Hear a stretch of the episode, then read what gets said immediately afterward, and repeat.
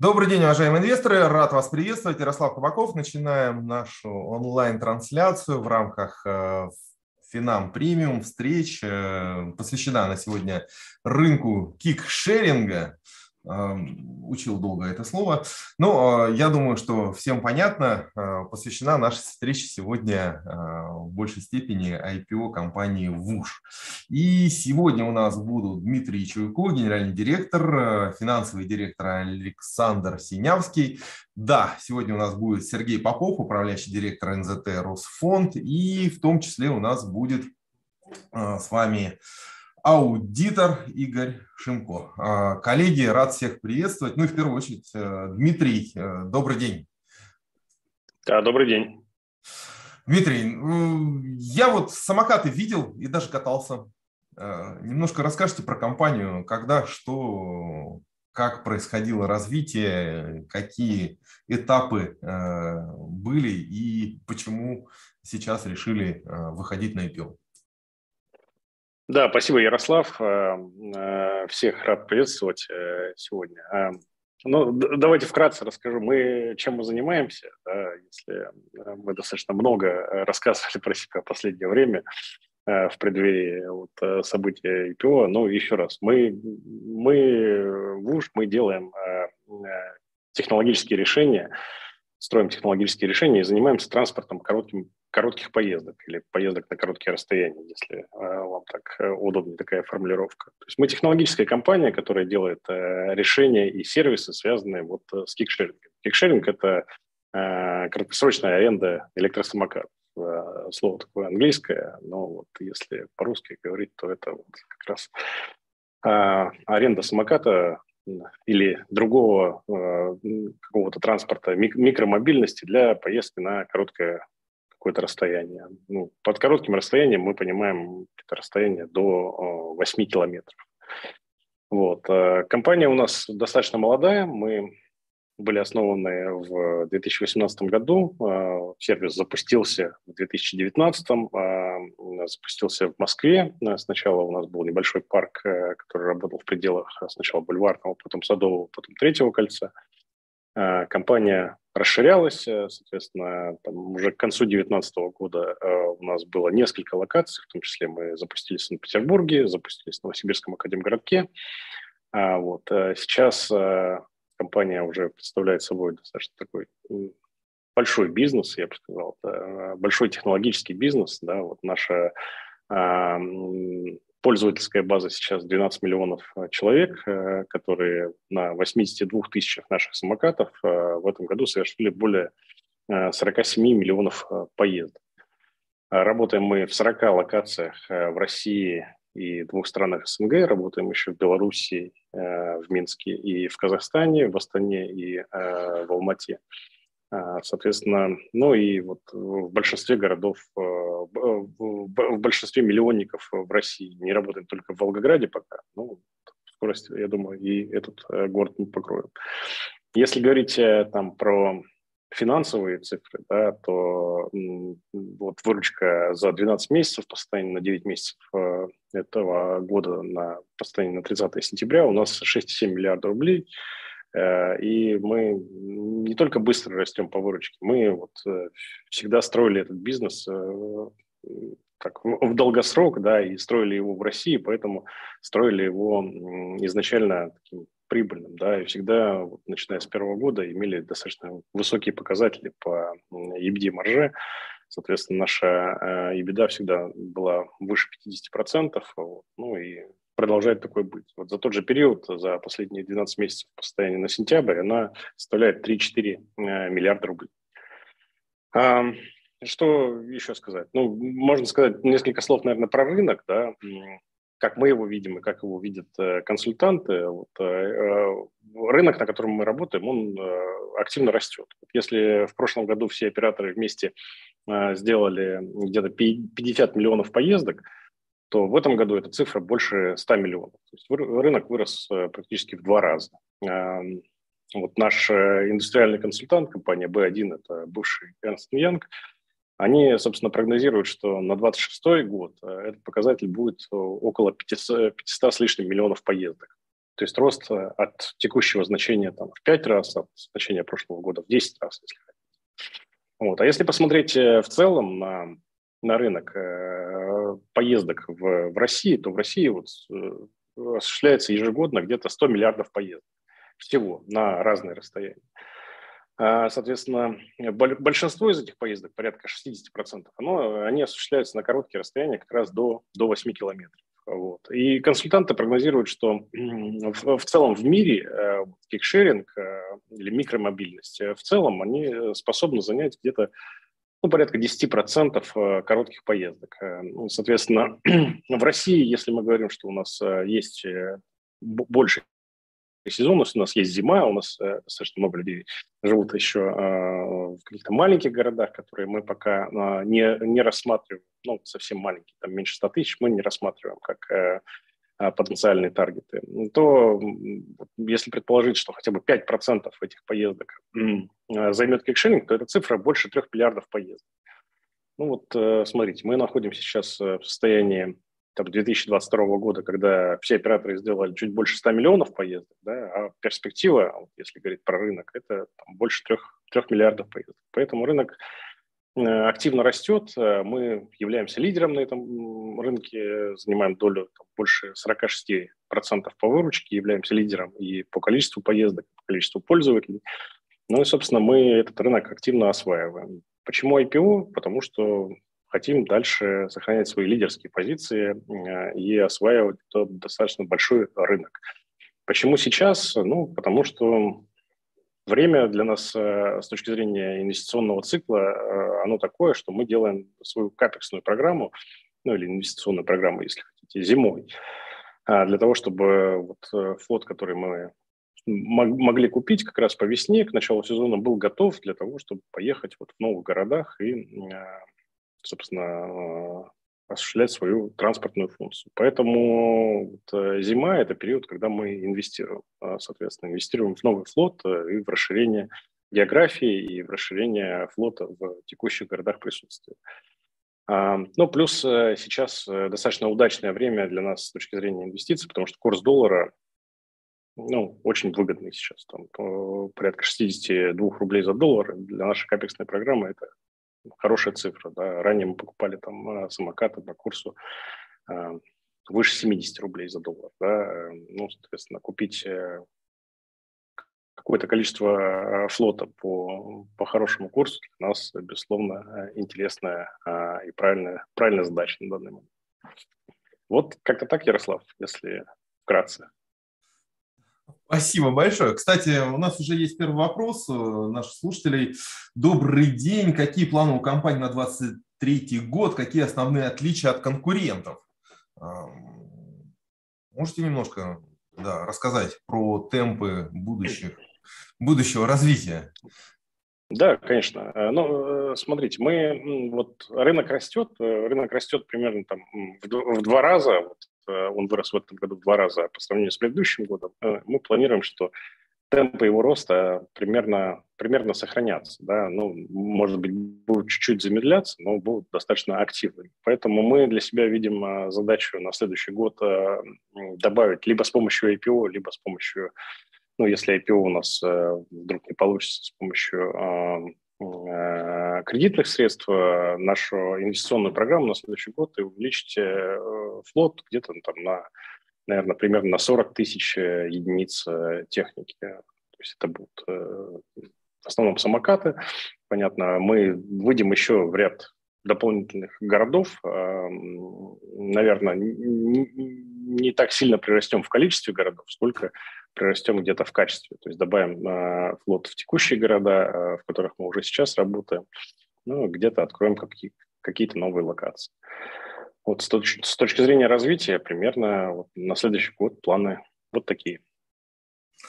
Спасибо большое. Да, я вижу, к нам присоединился и Евгений Зальцман. Добрый день, Евгений. Э, это сооснователь компании. Добрый день. А, так, э, Сергей, я предлагаю постепенно уже присоединяться к нашей беседе. Более каверзные вопросы жду от вас. Коллеги, но э, вот можно мне все-таки на пальцах рассказать э, с точки зрения доходов компании, да, то есть есть капекс, вы покупаете самокаты, они приносят э, определенную доходность. Вот я вижу, в 2021 году один скутер приносил 100 тысяч рублей. В 2022 году уже на 20% ниже. С чем это связано? Вот. И какие основные риски, угрозы могут быть у компании в ближайшей перспективе?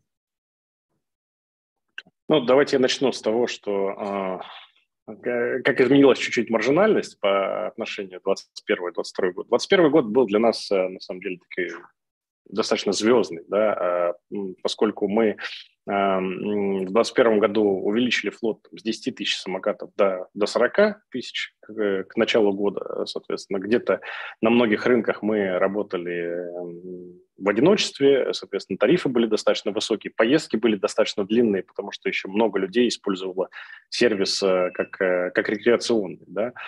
А, но мы понимаем, что рекреационная модель использования самокатов – это такая неустойчивая история, ну, потому что спрос у вас неустойчивый, и вы не можете постоянно загружать флот. Мы все-таки развиваемся как, именно как транспортная компания. Для нас э, крайне важно, что самокат используется именно по транспортному сценарию, вот как транспорт для коротких поездок из точки А в точку Б. Поэтому мы со своей стороны делали определенные усилия для того, чтобы э, вот, э, самокаты использовались именно как, как, как, как транспорт. В том числе и э, пытались снизить стоимость поездки, сделать ее дешевле. Вот мы в 2021 году запустили так, такую историю, как подписка. Подписка, соответственно, позволяет сделать поездку существенно дешевле за счет того, что она обнуляет первый компонент нашего двухкомпонентного тарифа, плату за старт. И поездка благодаря этому становится иногда там, на 50, иногда ультракороткие поездки на 70% дешевле могут стать.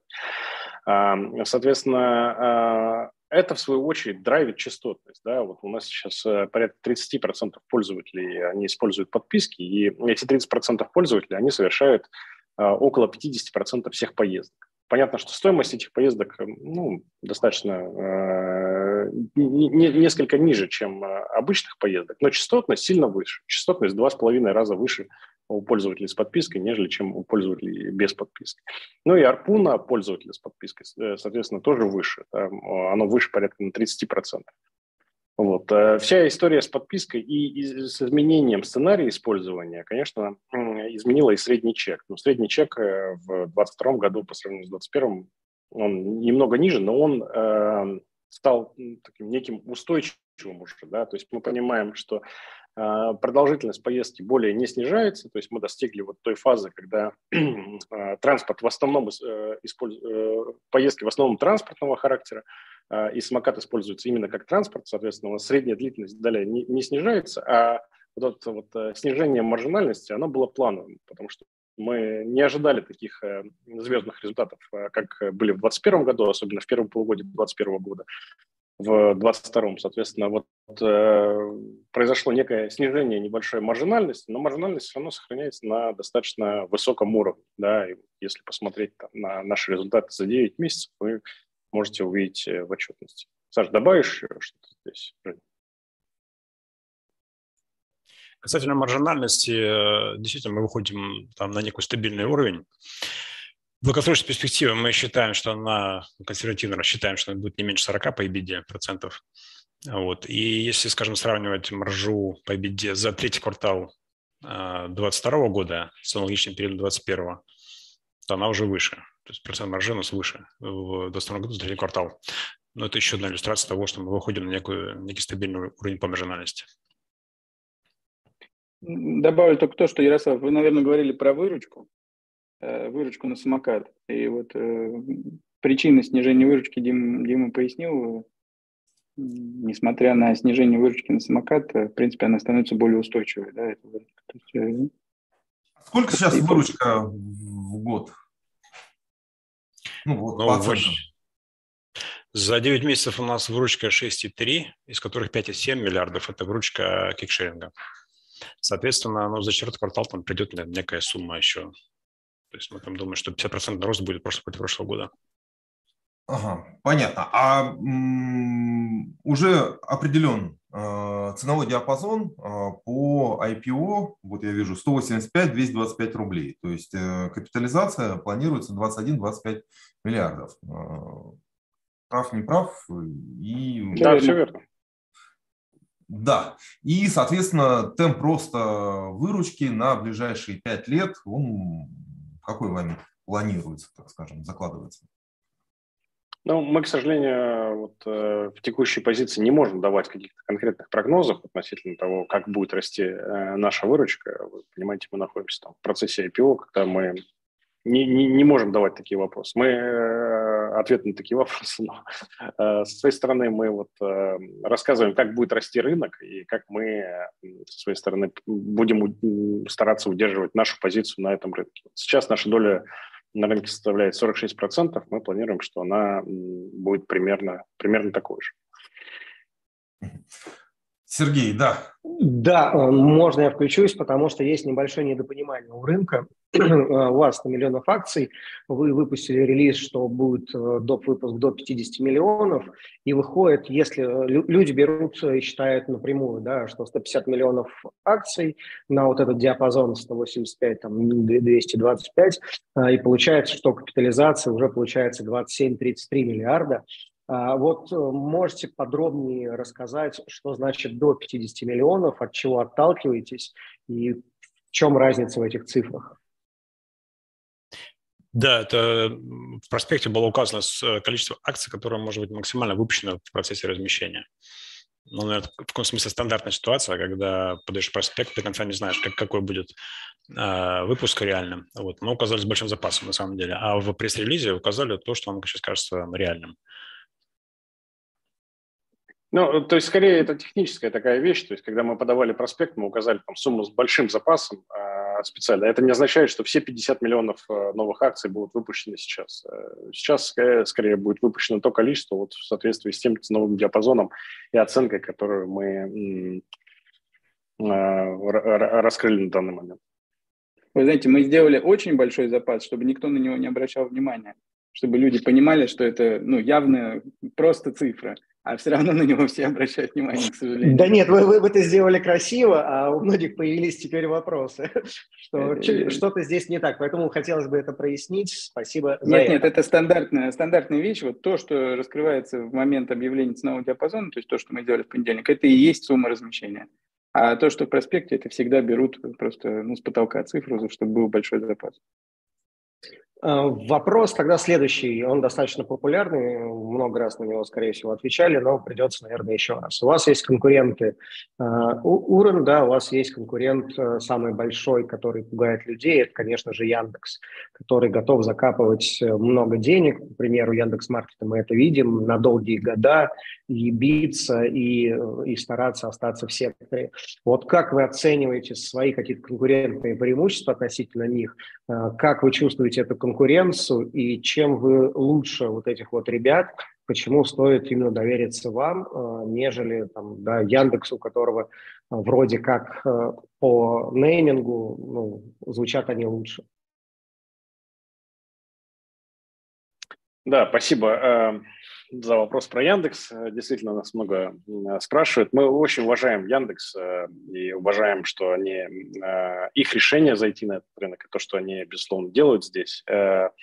Э, нам кажется, вот наш advantage, наверное, в том, что мы, мы узко сфокусированы вот на том, что мы делаем. А, соответственно, поскольку мы вот именно фокусируемся на том, это наш core бизнес. Для Яндекса, безусловно, самокаты не является core бизнесом. У Яндекса достаточно много бизнесов других. А, вот. Э, наш фокус позволяет нам многие вещи делать э, э, где-то точечно лучше, где-то там существенно лучше и так далее. Но и поскольку мы в этом, этим бизнесом занимаемся уже некоторое время гораздо больше, нежели чем этим занимается Яндекс, мы, безусловно, накопили там ряд компетенций, которые позволяют нам а, сохранять лидерство как, как в продукте, так и то, что мы называем в, в офлайн компетенции. Яндекс большая компания, но все-таки а, основные бизнесы Яндекса, они про, про digital. А, а у нас такая история, она э, все-таки двухкомпонентная, да, вот тот, тот бизнес, которым мы занимаемся, он не только digital. Понятно, что есть в основе его технологическая платформа, которая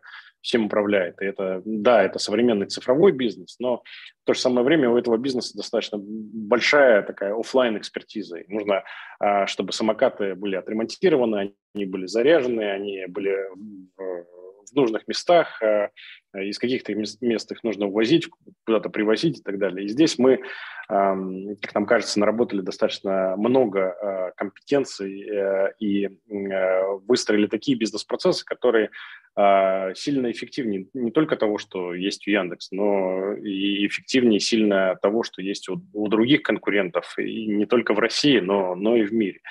Вот э, в Москве, допустим, при одинаковом количестве самокатов, э, примерно одинаковом количестве самокатов и у нас, и у Юрента, и у Яндекса, э, согласно данным Департамента транспорта, мы сохраняем долю поездок на уровне 50%. 50%. То есть люди все-таки отдают предпочтение нам. Наверное, это предпочтение отдается из-за того, что ну, где-то у нас лучший продукт, где-то мы более правильно работаем в офлайне, где-то вот э, люди предпочитают нас, нежели чем вот э, ту экосистему, которая есть у Яндекса. Да? Ну, не, не, далеко не все являются сторонниками супер, суперапов, да, многие считают, что их смартфон уже является там суперапом, в котором есть много разных специализированных приложений и предпочитают использовать смартфон в виде там суперапа и отдельные сервисы для отдельных задач. Если можно, я еще добавлю. Мне кажется, вот в вашем вопросе в значительной степени кроется ответ. Вы задали вопрос э, про битву.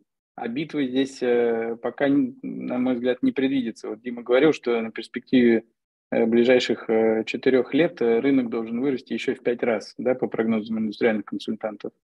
Эм, не нужно биться, нужно просто, наоборот, с уважением друг к другу относиться и нам всем вместе этот рынок, собственно, создавать. Ну, Евгений, здесь есть некое лукавство. Мы помним, как Яндекс э, Такси э, все-таки билось на таком же э, растущем рынке, поэтому многие переживают. А если будет битва и здесь? Вот. Но ну, вот нам кажется, что здесь э, битва не приведет э, к какому-то значительному результату. Если хотите, я как бы разовью мысль. Э, вот, например, в этом году количество наших пользователей выросло с 6 до 12 миллионов человек. Да, на 6 миллионов мы переросли в этом году. Э, при этом не потратили на маркетинг ни одного рубля.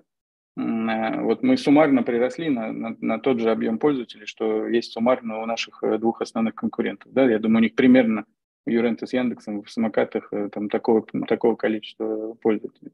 Поэтому все-таки это, это не, та, не та ситуация, как, какая была в такси, где действительно там, ну, большими бюджетами выжигали, выжигали рынок. Здесь это не нужно. Здесь нет необходимости инвестировать в покупку пользователя самокат э, сам себя продает. Нужно просто планомерно развиваться, как бы, э, прививать, так сказать, э, транспортную привычку, да, использовать самокат как транспортное средство.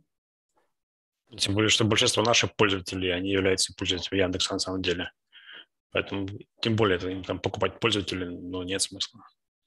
Ну да, вам кажется, что наши аудитории достаточно сильно пересекаются, и вот те, те же люди, которые там ездят на наших самокатах, они когда есть необходимость, ездят э, в Яндексе на такси. Да. Тут э, аудитории достаточно сильно уже пересекаются. Да. Но тем не менее, вот мы на примере Москвы нам удается сохранять достаточно высокую долю с точки зрения поездок благодаря там, а, тому продукту, который мы делаем. Но и в целом нам кажется, что рынок действительно достаточно большой впереди, и на нем пока там, на какую-то ближайшую среднесрочную перспективу места хватит э, всем. Да. Он быстро растет, да, соответственно, можно, можно расти всем вместе, пока тут места хватает.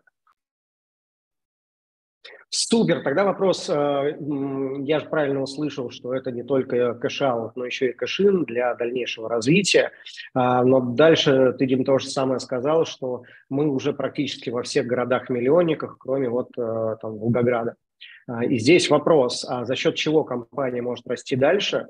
Мы видим а, ограничения по флоту, например, в Москве. Мы понимаем, что это может быть и в других также городах, то есть монополистам там, там не стать.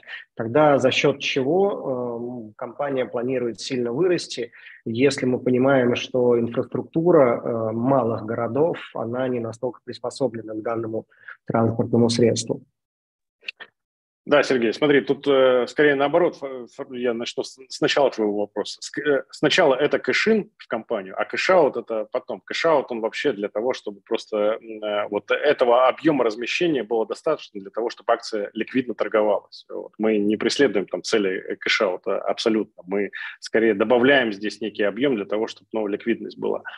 Дальше вот э, ну, кэшин программа, она ну, инвестиции в капитал будут направлены на то, чтобы э, купить больше, больше самокатов да, и развиваться в большем количестве городов. Вот здесь э, эм, я скажу так, что вот мы в нашем пайплайне сейчас в городах с населением 300 тысяч плюс человек в России, вот, 73 ну, города, куда мы можем заходить. Это в два с лишним раза больше, чем, чем у нас есть сейчас. Соответственно, и можно как осваивать эти новые города, так и добавлять флот э, в существующие города. Вот не во всех городах у нас э, достаточная плотность покрытия. Мы хотели бы много где еще плотность покрытия увеличивать. А, где-то мы в, в городах нашего уже присутствия можем расширять зону покрытия. Ну и в целом рынок, он каждый год подрастает. То есть частотность, э, с которой люди используют самокаты, она подрастает. Соответственно, люди совершают большее количество поездок, и там нужно большее количество самокатов. Вот. С точки зрения регулирования мы, наоборот, э, в какой-то степени являемся сторонниками регулирования, потому что нам кажется, что самокатов должно быть оптимальное количество на город для того, чтобы э, ну, этот сервис органично, э, органично вписывался в инфраструктуру городов. Не так, чтобы все улицы были завалены самокатом, а так, чтобы самокатов было достаточно для того, чтобы осуществлять э, транспортную функцию, но и другие э, жители городов, они чувствовали себя достаточно комфортно. И тут с точки зрения инфраструктуры, вот в Москве действительно есть некий э, предел, потому что в Москве мы используем физическую инфраструктуру в виде физических парковок. Но и то в этом году было уже несколько э, пилотных проектов э, с департаментом транспорта, когда за пределами третьего кольца мы использовали виртуальную инфраструктуру, так называемую. Это места, э, обозначенные в нашем приложении как парковки, которые ну, физической инфраструктурой не обладают. То есть там нет каких-то конструкций для крепления самоката.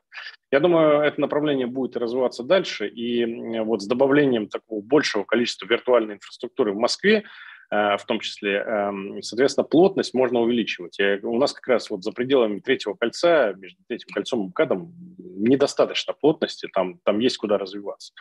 Вот. Э, и подобная история во многих городах. То есть рынок подрастает, э, там, рынок требует большего количества самокатов, виртуальную инфраструктуру можно без проблем растить, где ездить тоже есть, то есть города развиваются и строят ну, даже не строят сейчас, сейчас скорее, э, более правильно сказать, рисуют инфраструктуру для э, самокатов, где ездить на самокатах, потому что ну, строить достаточно дорого, а вот нарисовать велодорожку э, достаточно, достаточно просто. И мы сейчас активно делимся данными с точки зрения количества поездок. Раньше города говорили как, вот мы построили велодорожку, по ней никто не ездит. А зачем она нужна? Да? А, а теперь э, у городов есть реальные цифры. Да? Мы приходим конце сезона говорим, смотрите, вот по этой улице у вас проехало э, 100 тысяч человек, э, а по этой вот миллион человек, да, вот, скорее всего, здесь э, инфраструктура бы не помешала. И у городов есть уже реальные цифры, подкрепляющие, э, подкрепленные там, расчетами и статистикой, да, соответственно, где, где необходимо строительство инфраструктуры для движения. И города постепенно идут к тому, чтобы вот эта инфраструктура появлялась. Тем более, что ее сейчас можно просто нарисовать. Во многих городах есть э, полосы для движения маршрутного транспорта, которые недавно появились. И очень удобно полосе для маршрутного транспорта, собственно, э, рисовать велодорожку. Вот да, даже вот с ассоциацией операторов мы выпустили вот такое велоруководство недавно а, для, для городов. Активно это распространяем. Это книга, которая э, говорит о том, э, как достаточно быстро возводить велоинфраструктуру в городах. Это такое пособие для администрации. У меня сразу вопрос возникает. Вот э, все-таки самокат это не велосипед, э, и статистика по вот, всяким ДТП там достаточно тоже интересно. Есть же риски определенного определенного регулирования рынка. Вот насколько ваши, так скажем, позиции в этом отношении будут более успешные, если вдруг ведут э, дополнительные ограничения. И плюс ко всему, развитие в городах, опять же, вот э, вы как-то взаимодействуете с э, госорганами, с муниципальными органами, есть ли в этом отношении тоже определенного рода риски?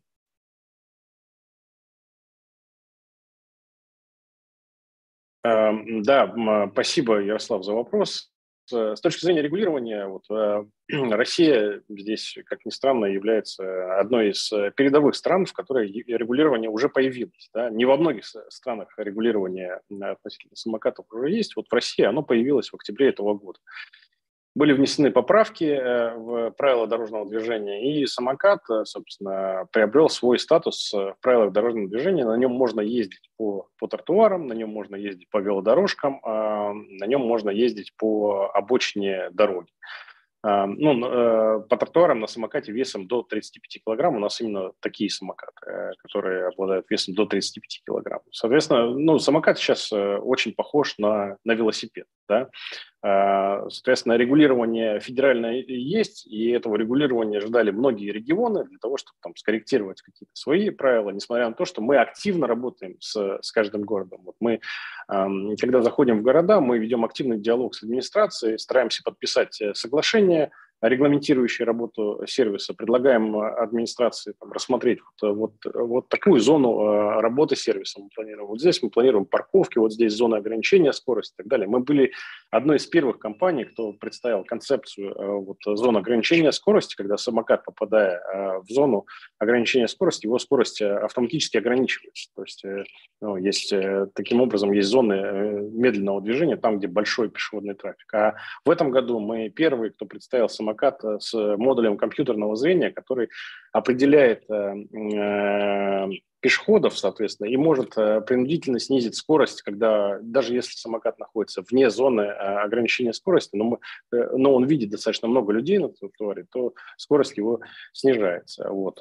Тем самым мы ведем постоянный диалог с администрациями городов и ранее подписывали соглашение, наверное, практика соглашений сохранится на я думаю, и на следующий год, потому что они в общем регламентируют работу сервиса. Но теперь, благодаря появлению федерального регулирования, нам кажется, что станет э, сильно, сильно лучше здесь а, вот, э, в плане там, взаимодействия, потому что появились достаточно четкие правила игры. Э, относительно их дальнейшего ужесточения, я думаю, такого риска нет, потому что эти поправки достаточно долго разрабатывались, было много обсуждений, и с Министерством транспорта, ГИБДД, э, и а, общественные организации много мнений высказывали. Но вот они были приняты в таком ключе, вот э, там четко зафиксировано, что на самокат ни права, ни шлема не нужны, он может действительно ездить по тротуарам, я думаю, просто будет дальше строиться больше инфраструктуры, потому что ну, этот вид транспорта стал официально, официально транспортом, официально начал присутствовать э, в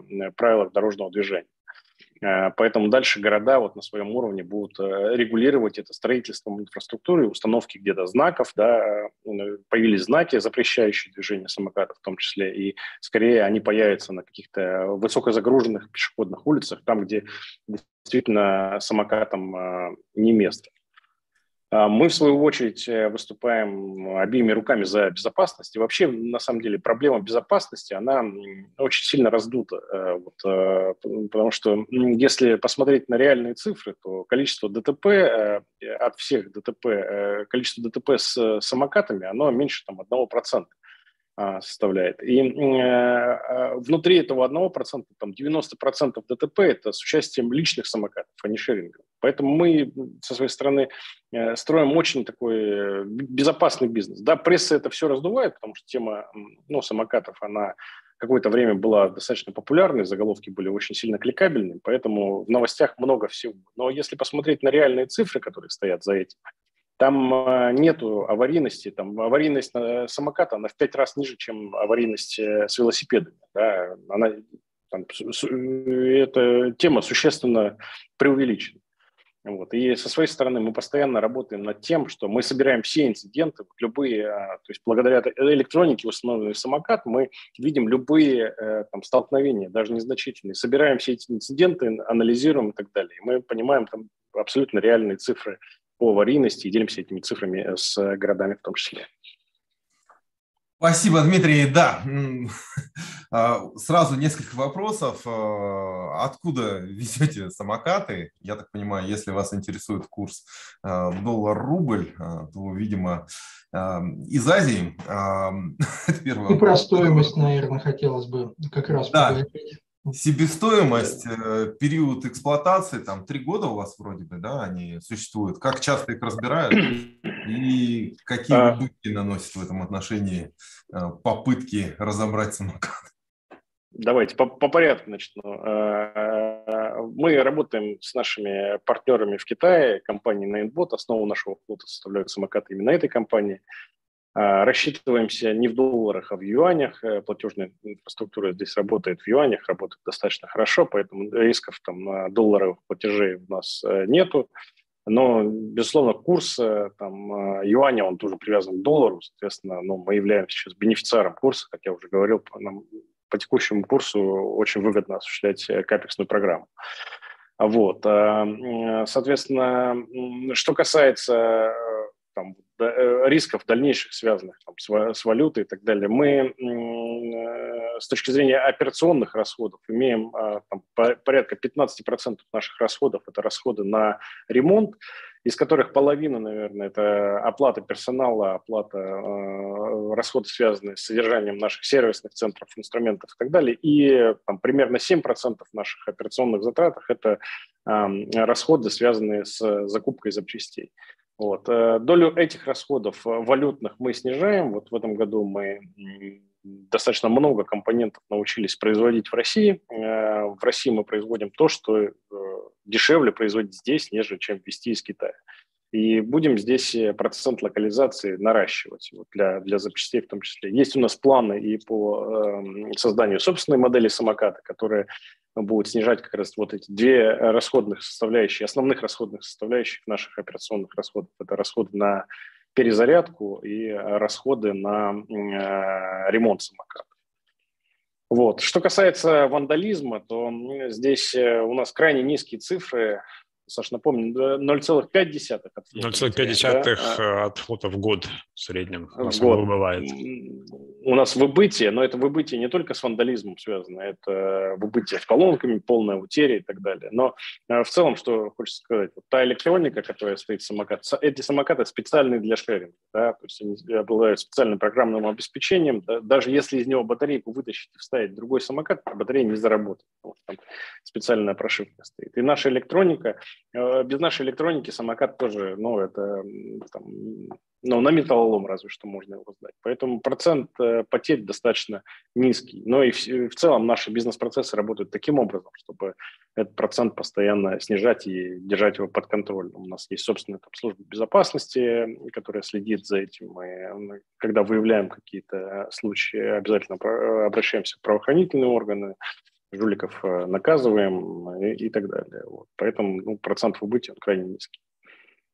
Понятно, спасибо. А, можно немножечко еще вопросов позадавать, почелленджить именно по закупкам самокатов, по росту базы, потому что в отчетности э, видно, что фактически удвоение происходит расходов, то есть именно оттока денежных средств на основные средства на сами самокаты, то есть насколько они подорожали. А лучше всего пообщаться в штуках и, наверное, ответить на вопрос, на какой будущий период роста выручки вот этого запаса хватит, потому что э, мы видим, что выручка там сейчас где-то плюс 56%, если не брать вот эту внутри транзакцию внутри компании, интеркомпании. И, как вы сказали, по-моему, 50% э, по итогу года будет. Но мы видим, что база самокатов идет опережающими темпами. И, соответственно, хотелось бы больше вот этой информации донести до пользователей, потому что в будущем это еще потребность в новых кредитах, в новых закупках. То есть вот здесь надо максимальную ясность нести. Спасибо. Ну, смотрите, у нас э, стоимость самокатов а, но находится около 1000 долларов, с небольшим плюсом. И она достаточно стабильна в этом смысле.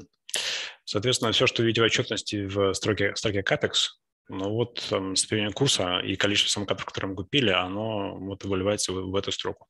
И в cash flow, и в балансе. Э, соответственно, у нас флот вырос в 2021 году в два раза. У нас было 41 тысяча самокатов на конец 2021 года, и вот сейчас у нас 82 тысячи. Соответственно, отчетность это все отражает. Касательно срока службы был вопрос, мы, мне кажется, не ответили на него. Срок службы. Э, в отчетности мы амортизируем самокаты по пробегу. Вот. Но в среднем это, это три года получается, если так замерять.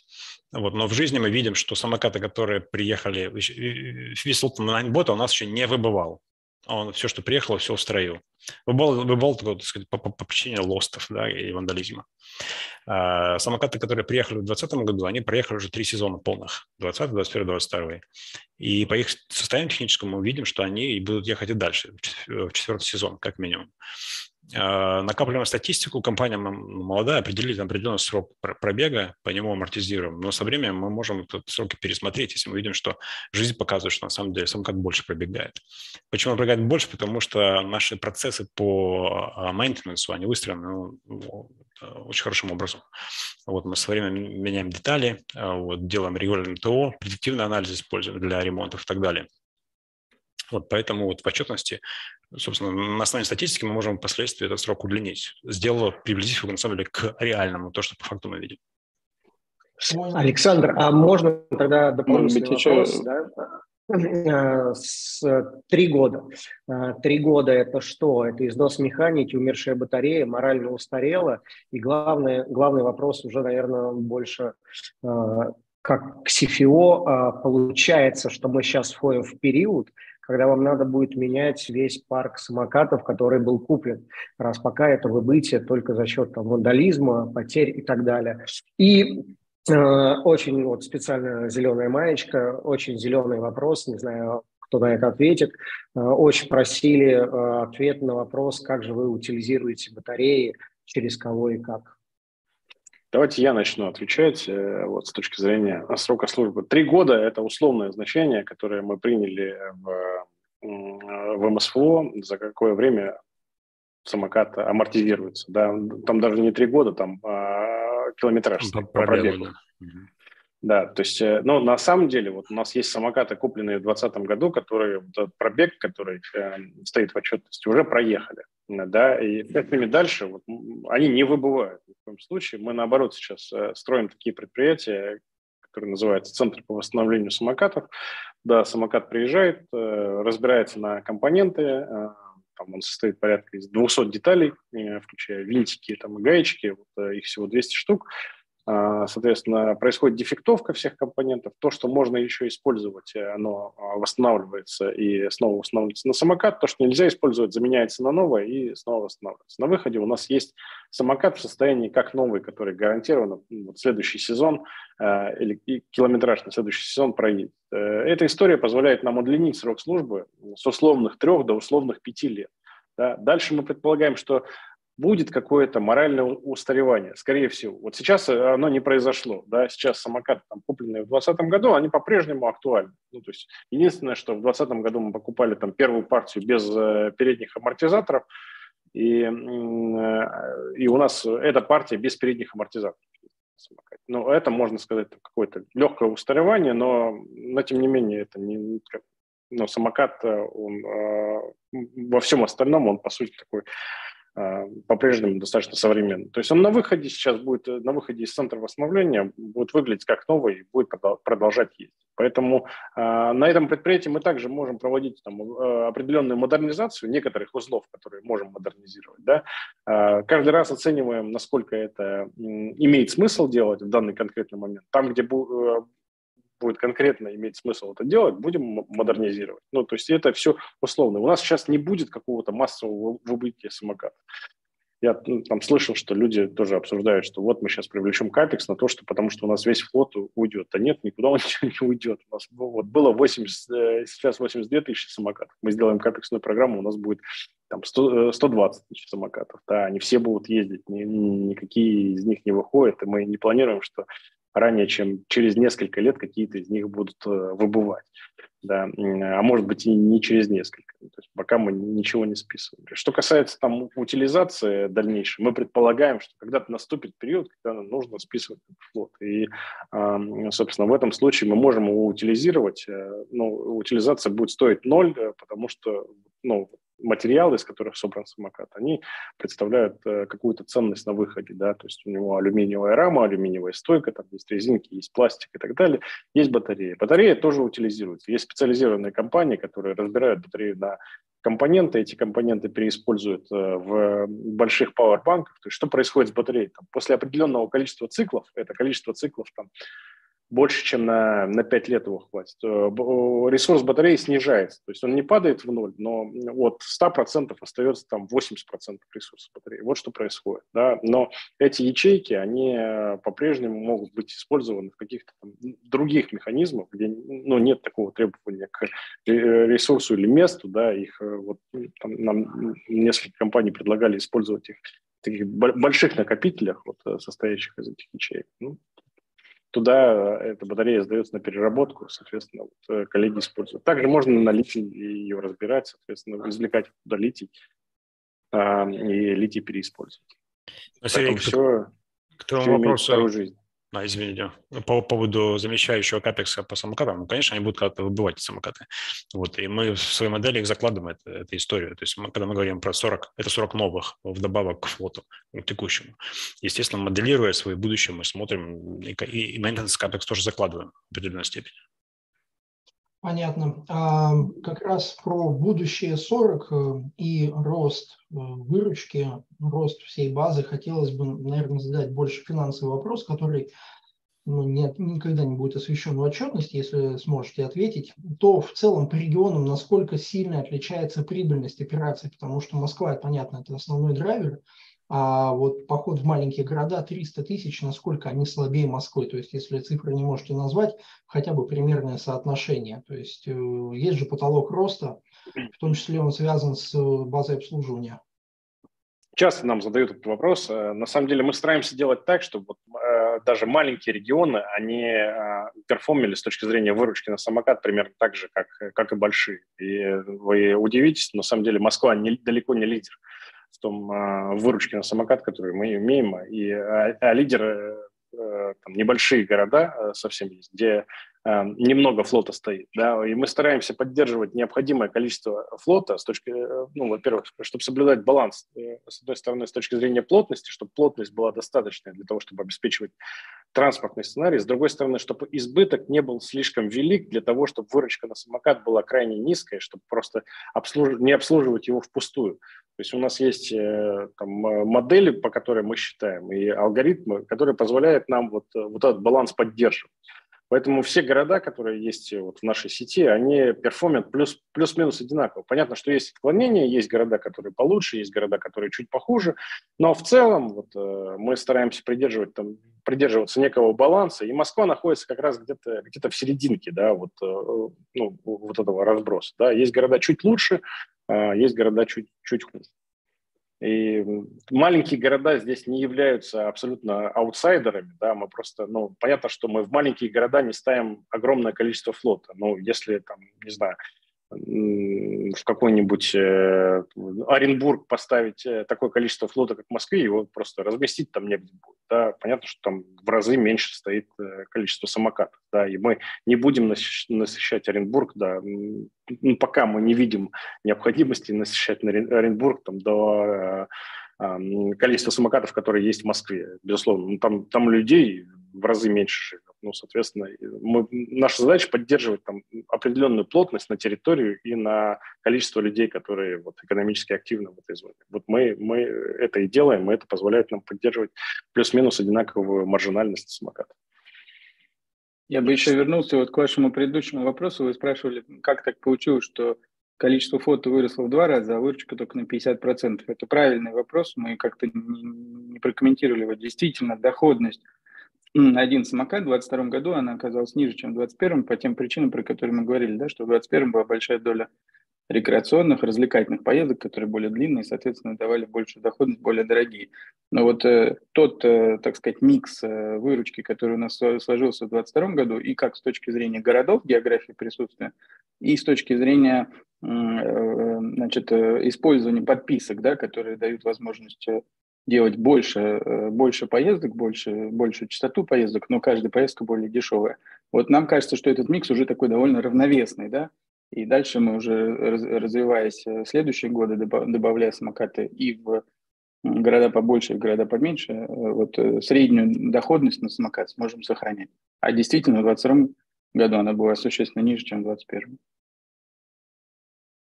Супер, спасибо. Э, смотрите, ребят, вопрос, наверное, ко всем вам много прочитал, много изучил, не первый раз э, встречаемся, и э, я постоянно слышу, что мы хотим быстрое развитие компании, мы хотим э, быть динамичными, мы хотим зайти в кучу городов.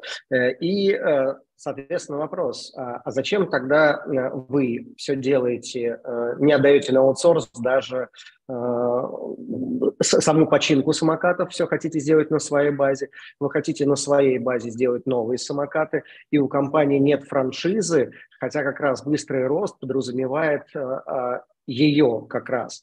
Вот почему вы пошли путем, что все в себе и все сами? Почему не отдать что-то на аутсорс? Почему не использовать франшизную модель? Да, спасибо, Сергей. Мы пробовали франшизную модель в 2020 году, по-моему, да, в 2020 у нас было не, не, несколько э, франчайзи. Э, действительно, франшиза позволяет гораздо быстрее развиваться, э, но здесь часто присутствует такой конфликт интересов, потому что твои франчайзи-партнеры, ты играешь в долгую, но мы играем в долгую. Ну, для нас вот этот бизнес, он ну, то есть мы не, не хотим заработать в один день, да, мы нацелены построить такой большой устойчивый бизнес, который там в конце где-то будет э, стоить э, там, достаточно много денег и будет приносить э, там, хорошую доходность акционерам и так далее. Вот. А зачастую твои франшизные партнеры, они так в долгую играть не готовы. Да, и они хотят достаточно быстрый возврат на те инвестиции, которые, которые они сделали. То есть, условно, они купили там какое-то количество самокатов, ты им дал платформу, а они хотят отбиться там в первый, в первый же год, еще и сверху столько же заработать. И э, действительно, если там зажать все расходы э, практически в ноль, ну, то есть не, не работать там по стандартам, на всем экономить, у тебя может получиться, да, ну, то есть модель, э, она высокорентабельная, может быть настолько высокорентабельной, что в год можно и окупиться, и еще заработать. Но вопрос, что делать дальше? А, вот. Э, а дальше там начнутся истории с тем, что это, это же все транспорт, да, соответственно, нужно работать над безопасностью, а безопасность подразумевает регулярное ТО, даже тебе нужно менять некоторые компоненты просто тогда, ну, заранее, не тогда, когда оно уже все сломалось, а заранее. Тебе нужно работать там с городами проактивно, тебе нужно работать с инфраструктурой и так далее. Вот это все требует там инвестиций. И мы поняли, что, ну, вот здесь э, наши э, цели не синхронны с нашими партнерами. И решили, что вот самостоятельно самостоятельно, нам а, будет э, не то что проще, но это другая модель. Да. Можно инвестировать в себя, можно инвестировать там в своих э, франчайзи партнеров. Да. Разные модели бизнеса. К ним нужно относиться по-разному, там, ну, разную команду строить и так далее. Нам ближе а, вот, операционная модель, когда мы сами занимаемся глубоко операцией, мы накапливаем опыт, этот опыт э, монетизируем за счет того, что вот создаем собственные модели самокатов, которые более эффективны и так далее.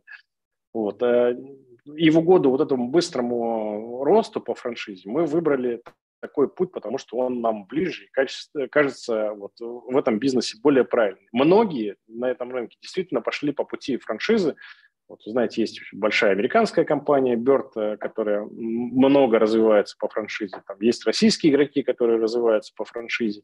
И, ну вот, глядя на их цифры, нам кажется, что мы сделали очень правильный выбор, потому что, ну, там и низкая маржинальность, и, собственно, ну, этот сервис, э, к нему должно быть доверие, да. Мы строим транспорт, и люди, выбирают транспорт, должны быть уверенными, что эта, эта штука надежная, да, она безопасная, она тебя довезет с точки А в точку Б, не сломает ничего. Мы со своей стороны инвестируем именно в это, да, чтобы продукт был качественный.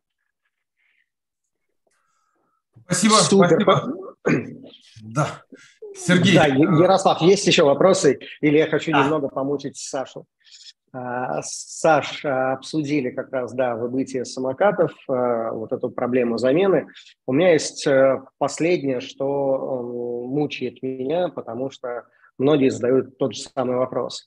Компания «Резидент Сколково», у вас налоговые послабления, но есть ограничения по объему, и вопрос, когда он будет превышен, вопрос, как это скажется на доходах компании, и ну вот, наверное, наверное, так, да. То есть насколько ухудшится результат компании после этого, насколько это значимо, либо это относительно бизнеса компании, тем более, что, скорее всего, это будет через год, через два, это будет там, ну, незначительным. Вопрос важный, действительно. Мы сейчас, э, находясь в Сколково, пользуемся льготным режимом налоговым и не являемся плательщиками НДС и налога на прибыль в соответствии там, с, правил, с налоговым кодексом выход из этого режима зависит от некого уровня накопленной налоговой прибыли. Вот. Мы пока в налоговых терминах этого уровня не достигли. А, почему? Потому, в основном почему? Потому что мы прибыльные ну, в, экономических, в экономических терминах, да, в МСФО, но а, весь капекс, который у нас есть после самоката, так как кажется, кажется, самокат стоит меньше тысяч, 100 тысяч рублей, по налоговому кодексу он списывается в расходы. Весь капекс, который вы видите в отчетности, он в налоговой отчетности, это, это OPEX, да, и, собственно, снижает нашу э, чистую прибыль э, до убытка, на самом деле, в налоговом счете. Поэтому этот порог мы не превысили. Если мы, когда мы, когда мы превысим, зависит от того, сколько будем денег, денег зарабатывать, как чистой прибыль в МСФУ, и от того, сколько мы покупаем самокатов. Это две функции этих двух вещей. А вот. Если мы продолжаем интенсивно наращивать парк, то тем, тем дольше мы остаемся в этом режиме, с одной стороны. С другой стороны, когда-то, очевидно, мы из него выйдем, ну, потому что держать такие темпы роста а, просто а, невозможно. Когда мы из него выйдем, у нас есть, э, назовем план «Б» условно, который заключается в том, что есть другие режимы льготные, которые мы можем использовать. Мы являемся IT-компанией, у которой там, 70% выручки, по сути, это, это лицензионная выручка. У нас тариф ну, двухкомпонентный. Это, это лицензия и аренда. Соответственно, этот режим нам доступен. Он будет означать, ну, сейчас там нулевая ставка налога на прибыль, точно так же, как и сейчас у нас ноль. А по НДСу э, мы тоже сохраняем хорошую позицию, потому что, собственно, это 70% от выручки лицензионной, она НДС не облагается. Даже выйдя из Сколково, мы на НДС здесь не попадаем. А та часть выручки, которая облагается НДС, она будет э, митигирована тем, тем фактом, что НДС, который мы платим сейчас на таможне при ввозе самокатов, ну, скажем, если мы там на 3 миллиарда возим самокатов, то там полмиллиарда платим там НДС. А вот, он, мы не можем вернуть его из бюджета, мы ставим его в стоимость, стоимость самоката. Если мы э, будем плательщиками НДС, то мы этот НДС будем вычитывать, зачитывать против того, что мы собираем с наших клиентов по, по аренде. Поэтому итоговая позиция наша вот в этом плане Б, как я его назвал, она несущественно отличается э, от текущей в плане налогового бремени на компанию.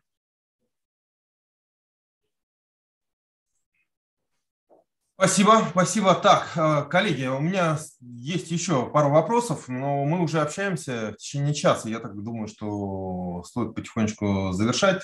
Э, вопрос от Николая есть. Какие предложения от пользователей были реализованы за последнее время и какие планируется реализовать в будущем. Ну, имеется в виду в том числе предложения по клиентскому сервису, по э, приложению в телефоне и так далее. Есть у вас обратная связь с пользователем. А, Ярослав, а можно я добавлю еще вопрос? А, как раз многие тоже спрашивали, что, ребята, а есть ли какие-нибудь э, дополнительные бонусы будущим акционерам? Неважно. Я, я тоже я... хотел его спросить. Да, то есть э, Белуга такое запустила, еще есть какие-то у нас э, истории. То есть вот если я владею на 100 тысяч рублей, там, неважно, на миллион, на, просто на 100 рублей, вот э, подписку мне бесплатно дадут, не дадут, вот об этом думаете, как работать именно вот с физиками, которые генерят вам и идеи, и которые готовы вас покупать и держать. Да, спасибо, спасибо, Сергей. Но нам, честно говоря, кажется, это немножко неправильно. А вот, э, Э, как-то стимулировать людей подписками, чтобы они становились акционерами. Вот э, если человек стал акционером, наверное, как каждый раз, когда он использует сервис э, или кто-то или и кому-то рекомендует использовать сервис, он повышает капитализацию компании, потому что ну, она получает больше выручки, в итоге больше, больше беды, соответственно, капитализация растет. Нам кажется, вот мы в этом плане такие консерваторы, если хотите, олдскульные товарищи. И э, вот э, акционеров одаривать э, подписками нам кажется ну, не очень. Так мы э, вот с точки зрения там э, различных бонусных программ подписок у нас э, много разных механик по реактивации и лояльности. Вот сейчас мы работаем активно над системой лояльности, надеемся, что в следующем году она уже запустится, которая будет, собственно, пользователи, которые Э, часто используют сервис, дополнительно по поощрять. Э, пока мы там, делали ряд механик, которые, ну, условно, вручную или на основе простых алгоритмов там, поощрял э, пользователей, э, которые используют сервис частно, там где-то предлагал э, бесплатные подписки, где-то э, раздавали специальные промокоды и так далее. Вот это, это будет в будущем. А теперь, если возвращаться к вопросу, что было сделано, сделано было много. Мы э, много чего слышим от пользователей. Вот в целом э, работа нашей продуктовой команды направлена на то, чтобы сервис э, был э, еще более простым э, в использовании и более удобным и более надежным э, вот, с точки зрения э, там, э, ну, каких-то инфраструктурных вещей. Э, вот. Э, поэтому Э, много чего делаем для того, чтобы и э, вот сам процесс начала аренды стал э, быстрее и проще. Много чего делаем с точки зрения того, чтобы в процессе аренды, вот первую версию, там, ну не навигатора еще, а планировщика маршрутов мы запустили, когда можно спланировать маршрут на самокате с точки А в точку Б.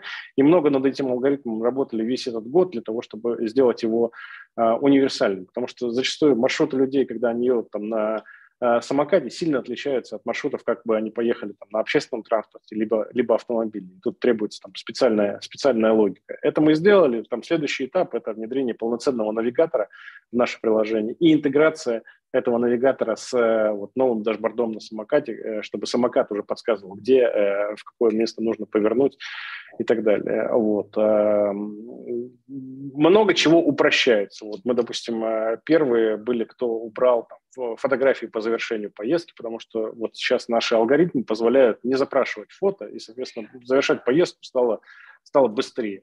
Да, а, вот. А, ну и в целом мы стараемся проводить э, такие достаточно регулярные воркшопы, э, с, э, куда приглашаем пользователей, которые у, которых разная частотность, тех, кто очень часто пользуется сервисом, и тем, кто пореже, и даже новеньких пользователей приглашаем, да, слышим этот фидбэк, и это попадает в наш э, продуктовый бэклог, э, в который дальше реализуется вот э, в, в продукте и в новой версии приложения и самого сервиса.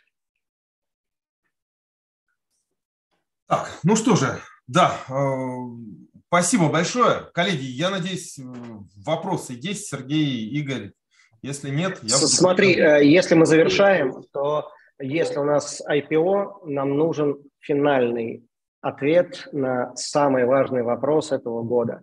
Мы знаем, что компании сейчас, э, что для них самое важное, это выплата дивидендов.